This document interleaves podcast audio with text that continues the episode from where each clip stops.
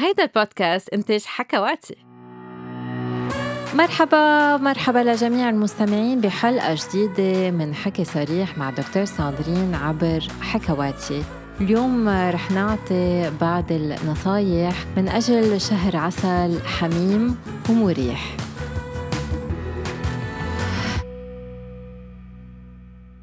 حكينا شوي بالحلقة السابقة عن الاحتياطات الأساسية اللي لازم تاخدوها أثناء شهر العسل. اليوم رح نفوت أكتر شوي بالتفصيل.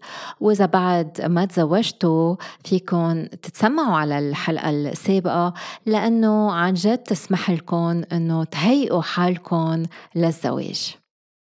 أكيد فيكن تطبقوا هالنصايح إذا رايحين سفرة مع حبيبكم أم زوجكم مش ضروري تكون هالسفرة شهر العسل بس عادة بس الواحد يسافر أم يقرر يمضي شهر عسل أم أسبوع آه، عسل. بيكون بعد ما عنده كتير خبرة بالاحتياطات اللازمة لذلك اليوم رح نعطي هالنصايح. كتار بيكونوا ناطرين شهر العسل بحماس. كرمال عن جد يكونوا لوحدهم وأخيرا مع الشريك أم مع الحبيب. إنما بيكونوا كمان خايفين خاصه إذا بعد ولا مرة مارسوا الجنس. فإذا بدنا نبلش بأول نصيحة هي إنه ما تستعجلوا. إذا بعد ما بتعرفوا بعض منيح استفيدوا من شهر العسل كرمال تستكشفوا بعض. مش ضروري تمارسوا أول علاقة جنسية أثناء شهر العسل. فيها تكون بس فرصة لإلكم تتمضوا وقت مع بعض تتعرفوا على بعض تتداعبوا بعض تكتشفوا أجسام بعض. بمعنى آخر كتير مهم أنه تروحوا خطوة خطوة. يعني الواحد بده يستكشف المداعبات الأولية قبل يفهم عن جد جسد الشريك قبل قبل ما ينتقل للعلاج المهبلي مثلا. فالواحد بده يقدر يوصل لمستويات إثارة عالية. عن جد يقدر يعرف شو بحب هو وشو بحب التاني. كرمال تصير الممارسة بطريقة مريحة كرمال يكون في استرخاء كرمال ما يكون في وجع كرمال ما يكون في كمان هالنزيف اللي بخافوا منه النساء. نصيحة كمان خدوا بالشنطة مظلق لأنه المظلق كتير بيساعد لأول ممارسات جنسية. خدوا كمان بالشنطة وقح ذكري إذا ما بدكم تجيبوا أطفال. خدوا كمان زيوت للمساج. كرمال عن جد تهتموا بالشخص التاني. الملابس الداخلية منا كتير مهمة قد ما مهم أنه الواحد يقدر يكتشف الشخص التاني ويوصلوا لهالمستوى الإثارة. استكشفوا الوضعيات من دون ما تعملوا العلاج يعني جربوا شو الوضعية اللي بتريحكم أكتر رجل من فوق المرأة من فوق آه، على الجنب اثنيناتكم من دون ما تعملوا علاج يعني بس بالإحتكاك الخارجي. بعدين تنتقلوا للعلاج بس تكونوا مرتاحين بالوضعية. الكتار بيجربوا دغري الوضعية والعلاج وبتسبب لهم كتير مشاكل. إذا عندكم مخاوف حكوا حكوا عن مخاوفكم حكوا عن شو اللي بركي فيكم عم بيوتركم إن كنتوا رجال أم نساء لأنه الرجال فيه يكونوا خايفين كمان. بس تصير أول ممارسة جنسية طالما ما في وجع والمرأة مسترخية وكله منيح فيكم تكملوا للآخر وفيكم ترجعوا تمارسوا بعدين ما في أبدا مشكل. إذا في وجع الواحد بده يشوف إذا في جرح إذا في جرح الواحد ما في يكمل يمارس بده الجرح يختم والا كل ما رح تمارسوا كل ما رح يصير في وجع وكل ما رح يكون في دم.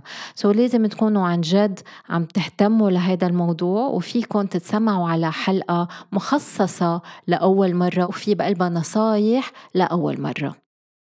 الشيء الثاني اليوم اللي رح نحكي عنه هو وسائل منع الحمل بحال أنتم قررتوا انه ما يكون عندكم أطفال من أول شهر من أول سنة زواج. خاصة بس تكونوا عم بتنسقوا لسفرة لازم تعرفوا إنه في بعض حبوب من الحمل من الجيل الثالث اللي بتحتوي على هرمون بيزيد البول. فبهالحالة لازم كتير تنتبهي وتشربي مي بكميات كبيرة خاصة إذا رايحين على منطقة فيها شوب. خاصة هلأ هالصيفية في كتير بلاد وين الحرارة عم بتكون كتير عالية وكتير مرتفعة وإلا فيك تتعرضي لحالة جفاف وما بنحكي جفاف مهبلة عم نحكي جفاف جسدك كله. فانتبهي لهالشي. وما تترددي إنه تطلبي نصيحة الطبيب النسائي اللي عادة بتشوفيها بتشوفيها قبل ما تروحي على العطلة. من ناحية أخرى مثل ما بس الواحد يكون ياخد مضادات حيوية فالتعرض لأشعة الشمس في يتسبب طفح جلدي آه، بيشبه هيك بقع الجلدية وفي بعض النساء عندهم حساسية لأشعة الشمس وعادة حبوب من الحمل فيهم يزيدوا هالحساسية. لذلك كوني عن جد خدي احتياطاتي كوني حذرة وبس تكوني معرضة للشمس دايما حطي واقي للشمس يعني كريم واقي للشمس. مش زيت آه، ما فيه بقلبه واقي للشمس لا عن جد واقي للشمس على القليل يكون 25 ما تبقي كتير بالشمس مباشرة أحسن تبقي بالفي من ناحية أخرى فيها تتسبب الشمس وارتفاع الحرارة بتضرر تركيبة حبوب من الحمل اللي عم تاخديها وهذا الشيء رح يسبب بدوره أنه يغير مفعول حبوب منع الحمل أم حتى يؤدي لعسر هضم. لذلك دايما دايما حطي حبوب منع الحمل بمنطقة أم بمحل بالأوضة أم بشنطة تكون بعيدة عن الحرارة. وهذا الشيء بينطبق كمان للحلقة المهبلية ال vaginal ring اللي بتستعمل لمنع الحمل وللواقي الذكري لأنه اثنيناتهم كمان بيتأثروا بالأشعة الشمسية وبالحرارة. ما بدنا ننسى إنه بعد حبوب من الحمل بيكون عندهم توقيت معين تتاخديه فبدك تنتبهي إذا رايحة أنت على بلد وين في كتير فرق بالوقت بدك تحطي منبه يكون مستند على توقيت بلد الانطلاق تتقدري تاخدي حبوب من الحمل تقريبا بنفس التوقيت. هلا إذا في اختلاف توقيت قصير ساعتين ساعة ثلاث ساعات ما بيأثر. هذا الشيء ما رح يأثر عليكم. بس إذا عن جد في اختلاف سبع ساعات لا لازم تنتبهوا وتكونوا عم تاخدوا حبوب من الحمل بنفس التوقيت. كمان إذا أنت مسافرة لأكثر من أسبوع أسبوعين وبتاخدي حبوب من الحمل وبركة تجيك الدورة أثناء السفرة اللي فيك تعمليه هو إنه ما توقفي أخذ حبوب من الحمل. يعني عادة بيكون عندك 21 قرص وبتوقفي سبعة أيام. فيك تاخديهم باستمرار. يعني ما توقفي السبعة أيام. هيك ما بتجيك الدورة أثناء السفرة. وإذا أنت بتاخدي حبوب من الحمل اللي في بقلبهم 28 حبة يعني في سبع أقراص ما بيكون في بقلبهم شيء بتكون الحبوب فاضية وفي بقلبها بلاسيبو ففيك تشيليهم هودي أقراص البلاسيبو وتنتقلي للحبوب اللي في بقلبها هرمون. خدي كمان احتياطاتك تما تضيعي حبوب من الحمل. يعني فيك تضيعي شنطتك لذلك لازم تاخدي أكثر من علبة حبوب من الحمل. إذا بتاخدي حبوب من الحمل أم واقي ذكري أم شو ما تكون الوسيلة اللي بتستعمليها حطي بكذا شنطة حطيهم كمان بالجزدان تبعولك وخلي معك نسخة من وصفة الطبيب. وفيك كمان تخلي صورة يعني اعملي snapshot أم screenshot للروشتة تبعت الحكيم. تتعرفي كيف بدك تاخدي آه، الحبوب وبحال اضطريتي تشتريهم من البلد اللي انت فيه. كرمال تشتري الدواء هونيك ويكون عندي كمان الاسم الجزئي اللي مكتوب على علبة الدواء. تقدري بالصيدلية بحال خسرتي آه، أم ضيعتيهم لوسائل من الحمل ترجعي تقدري تشتريهم. كمان لازم تتوقي من مخاطر الإسهال خلال السفر لأنه إذا صار في تقيؤ خلال الساعتين اللي من بعد تناول الحبة لازم تنطري ست ساعات وترجعي تاخدي حبة أخرى لأنه فيك تكوني خسرت الحبة بس تفرختي وإذا صار في حالة إسهال وتقيؤ مجدد رجعي باليوم الثاني خدي حبة بالموعد المعتاد واستعملوا الوقت الذكري مع زوجك حتى نهاية الدورة. ولازم نذكر إذا مرتين صار في تقيؤ أثناء الأسبوع الأول من لوح الحبوب ففي احتمال أنه تتأثر فعالية الدواء. أما إذا هذا الشيء صار بالأسبوع الأخير فعادة ننصح أنه تبلش دغري بلوح الحبوب التالي من دون توقف ما بيكون في مشكلة. احتفظي دايما بوسائل منع حمل احتياطية مثلا إذا خسرتي الحلقة المهبلية أثناء ممارسة الجنس بطريقة متكررة فساعتها فيك ترجعي تحطي حلقة مهبلية عندك ثلاث ساعات من دون احتمال إنه يقع حمل. يعني إذا خسرت الحلقة عندك ثلاث ساعات ترجع تستبدليها وتحطي حلقة تانية. عادة الواحد بحط الحلقة لثلاث أسابيع. إذا وقت الحلقة المهبلية قبل ما يمضي ثلاث أسابيع بيكفي أنه تغسليها وترجع تحطيها بمكانها يعني بالمهبل. وإذا أنت مسافرة مثل ما قلنا أكثر من أسبوعين ثلاثة فيك بعد ثلاث أسابيع تسحبي الحلقة المهبلية وترجعي تحطي حلقة مهبلية تانية من دون ما توقفي السبعة أيام تما تجيك الدورة أثناء السفر. ننتقل للنظافة الشخصية. حكينا عن هالموضوع كمان بالحلقة السابقة بس اليوم رح نفوت بتفاصيل أكتر.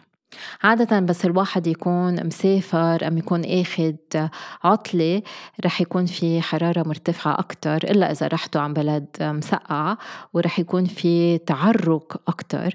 فريحة المنطقة الحميمية فيها تزعجكم فيها تكون موجودة بس هذا الشيء طبيعي لأنه أنت عم تعرقي فطبيعي أنه الريحة شوي تغير. والحل هون أنه أنه تغسلي بس ما لازم إنه تغسلي بمبالغة ما لازم ترشيها عطور كرمال تغيري ريحة المنطقة الحميمية. لا غسلي عادي مع مي وصابون اللي بتستعمليه عادة أم مع مي أكثر لأنه إذا بتكون كتير aggressive يعني عنيفة أم عم بتبالغي بالغسيل ساعتها رح تسببي بضعف بالغشاء المخاطي تبوت هيدي المنطقة.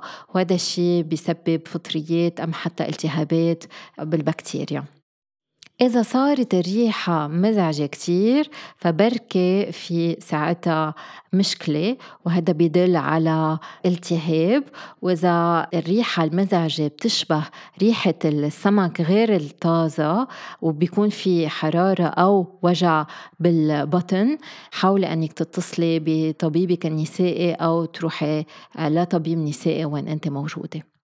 عادة بهالفترة كمان السيدات رح يختاروا طريقة لإزالة شعر العانة وهذا أكيد بيتعلق بالنظافة الشخصية. صار كتير منتشر إزالة الشعر بطريقة كاملة بالأعضاء التناسلية وهالانتشار بالبلاد العربية وبمنطقة الشرق الأوسط موجودة قبل كل هالتكنولوجيا اللي عنا إياها لإزالة الشعر هالتكنولوجيا اللي بتسمح لإزالة الشعر الدائمة. الليزر واللي هي طريقة إزالة الشعر دائمة عادة ما بتشكل أي خطر على المنطقة الحميمة. وهذا الشيء كتير شخصي. يعني أنتو بدكم تقرروا إذا بدكم تشيلوا الشعر أم لا. بننصحك أم بنصحك ما تروحي عند حدا بتكون خبيرة تجميل بس يعني أحسن تروحي مش عند استيتيسيان تتعملي ليزر لازم تروحي عند طبيب تتعملي الليزر تا ما تخاطري بحرق المنطقة انت عم بتشيلي الشعر. فدايما دايما لهذا الشيء آه، لازم آه، تستشيري طبيب طبيب جلد. وبما إنه عم نحكي عن النظافة الشخصية كتير مهم إنه الواحد يغسل من بعد الممارسة تا يتخلص من الجراثيم. مثل ما قلنا بالحلقة السابقة مش ضروري الواحد يركض دغري على تا يتحمم أم تا يغسل بس بعد ما تعملوا المداعبات من بعد الممارسة فيكن تغسلوا بمي بس بكفي المنطقة الحميمة. وكمان الواحد بده يبول بعد الممارسة الجنسية ومثل ما قلنا عنده وقت يعني مش دغري باللحظة ذاتها. وآخر موضوع لليوم كمان حكينا عنه بالحلقة السابقة بس هالمرة رح نفوت بالتفاصيل أكثر هن التهابات البول. مثل ما قلنا بأول الحلقة لازم دايما تاخدوا معكم مظلق بس تكونوا مسافرين لأنه المي الكلور الملح قماش آه، لباس السباحة التعرق كلهم كلهم بتأدي لتضرر بالغشاء المخاطي بالمنطقة الحميمة وبتسبب بالتالي ظهور فطريات أم حتى نشاف بالمنطقة الحميمة. احتفظي كمان بمضاد للفطريات آه، بس تكوني مسافرة وبس بدك تسافري خدي معك صابون ملطف لهالمنطقة والكريم والتحميل المحبلية لعلاج الفطريات لذلك زوري طبيبك قبل السفرة. ما تاخدي أدوية إذا ما في ولا أي عارض بس بحال صار في عوارض أثناء السفرة ساعتها فيك تستخدميهم. كمان تتجنب الإحمرار عند الجماع استخدم المظلق بهالطريقة. هذا الشيء في سهل الممارسة وما يسبب بنوع من الفرق اللي بيكون بيسبب تحسس بالمنطقة الحميمة. وبس بدكم تختاروا مظلق لازم يكون مكون بشكل أساسي من المي مش فازلين مش بيبي أويل آه ومش آه كريمات. لازم يكون مظلق جل بيكون آه معمول من مي أو معمول من سيليكون. لأنه هول النوعين الوحيدين اللي مناسبين للغشاء المخاطي المهبلي وما تنسي أنه استعمال مواد دهنية فيها تسبب بتضرر وتمزق بالواقي الذكري. يعني كل شيء زيوت في يسبب بتلف بالواقي الذكري. ما تنسي كمان إنه جسمك هو بيعرف يعتني بحاله وبيعرف ينظف حاله فدايما بيكون في إفرازات مهبلية وهذا شيء كتير طبيعي وضروري. فالإفرازات البيضاء عادة بتنظف الجدار المهبلي وهي بتطلع كل الجراثيم اللي فيها تكون مضرة للمهبل والخلايا الميتة للطبقة الجلدية للمهبل. إذا في كترة بهالإفرازات وأنت مش معودة لهيدا الكترة كترة الإفرازات في يكون لها علاقة بالبيئة الهرمونية تبعولتك. يعني إذا عم تاخدي حبوب من الحمل إذا أنت بفترة الإباضة. إنما كمان فيها تتغير حسب إذا في كتير شوب إذا في حرارة زايدة إذا في نشاط رياضي أو إذا في رطوبة. بس إذا كتير تغيروا هود الإفرازات وإذا تغير آه، لونها وصار لونها مائل أكتر للأخضر وصار منظرها وريحتها بشعين إذا عندك هيدي العوارض أحسن تتصلي بطبيب. كمان ما تخافي إذا ظهر دم إذا صار في بقع دم صغيرة بشكل متقطع واللي بنسميه التبقيع هذا نعرف إنه مزعج إنما منه خطير. فهو في يصير بس الواحد يكون عم ياخد حبوب من الحمل أم حاطط لولب ما في حاجة إنك تتصلي بطبيب خاصة إذا أنت قاعدة بجزيرة بعيدة أم ببلد بعيد. إذا في نزيف حريق وجع ساعتها أول شيء الواحد ما بقى يجرب ممارسة الجنس والعلاج ولازم تتصلي بالطبيب من دون ما يكون في خوف بس بركي في جرح وبده يختم الجرح قبل ما ترجعوا تبلشوا بالعلاقات الجنسية. ومثل ما رح نشوف بحلقات غير هيدي الحلقة بعد الأوقات بيكتشفوا الزوجين إنه في تشنج لا إرادي لعضلات المهبل وهذا الشيء بيسبب بوجع أثناء العلاقة أول مرة وفي يسبب صعوبة للممارسة الجنسية ساعتها واحد لازم يوقف التجربة ويشوف الطبيب بس يرجع من العطلة من دون ما ينفقس. اتس هالقصص فيها تصير.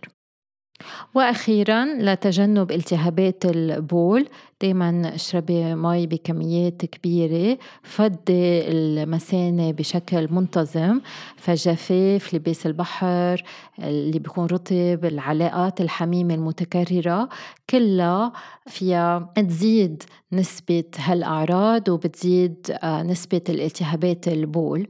وعادة التهابات البول منا مؤذية يعني منا مضرة إنما كتير مزعجة عادة لأنه بتحرق كتير بتوجع كتير. بيكفي آه، عادة بمعظم الأحيان إنه الواحد ياخد بعض الاحتياطات وخدي معك المضاد الحيوي. يعني شوفي طبيبك قبل ما تسافري طب بحال صار عندك التهاب بول ساعتها تعالجي الموضوع أنت ومسافرة. وهيك بتنتهي حلقتنا لليوم. بدي أشكر كل مستمعينا. ما تنسوا تعملوا follow و like للبرنامج وفيكم تبعتوا أسئلتكم بخانة التعليقات. يلا bye bye